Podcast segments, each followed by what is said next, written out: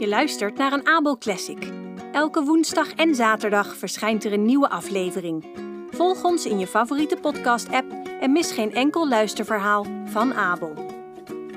Abel Classic. De vos zonder staart. Er was eens een vos die in het bos woonde. Hij had veel vriendjes en speelde graag met andere vossen uit het bos.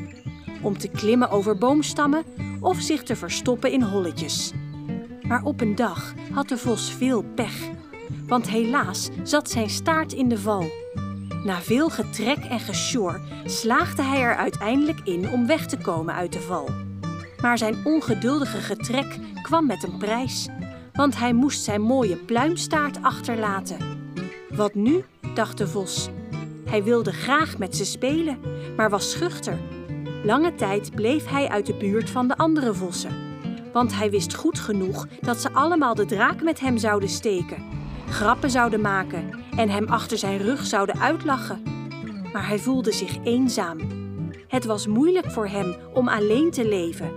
En uiteindelijk bedacht hij een plan dat hem misschien uit de problemen zou helpen. Hij riep alle vossen bijeen en zei dat hij de stam iets belangrijks te vertellen had. De vossen kropen uit hoeken en gaten en stonden in een kringetje. Ondertussen beuzelden ze wat kastanjes op en zochten ze de mooiste bladeren uit.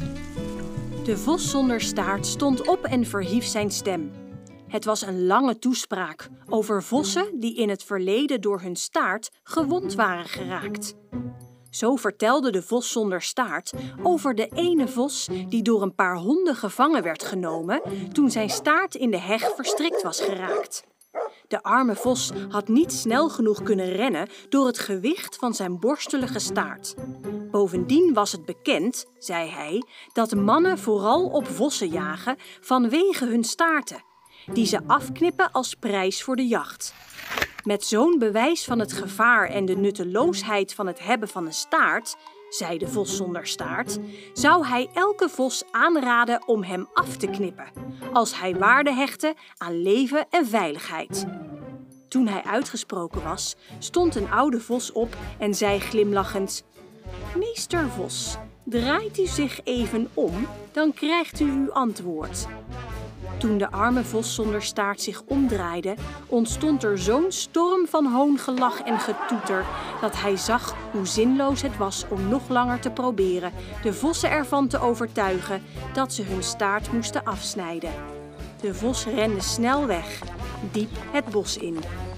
De moraal van het verhaal: luister niet naar het advies van iemand die jou tot zijn eigen niveau wil verlagen. Einde. Bedankt voor het luisteren naar een Abel Classic. Elke woensdag en zaterdag verschijnt er een nieuwe aflevering. Volg ons in je favoriete podcast-app en mis geen enkel luisterverhaal van Abel.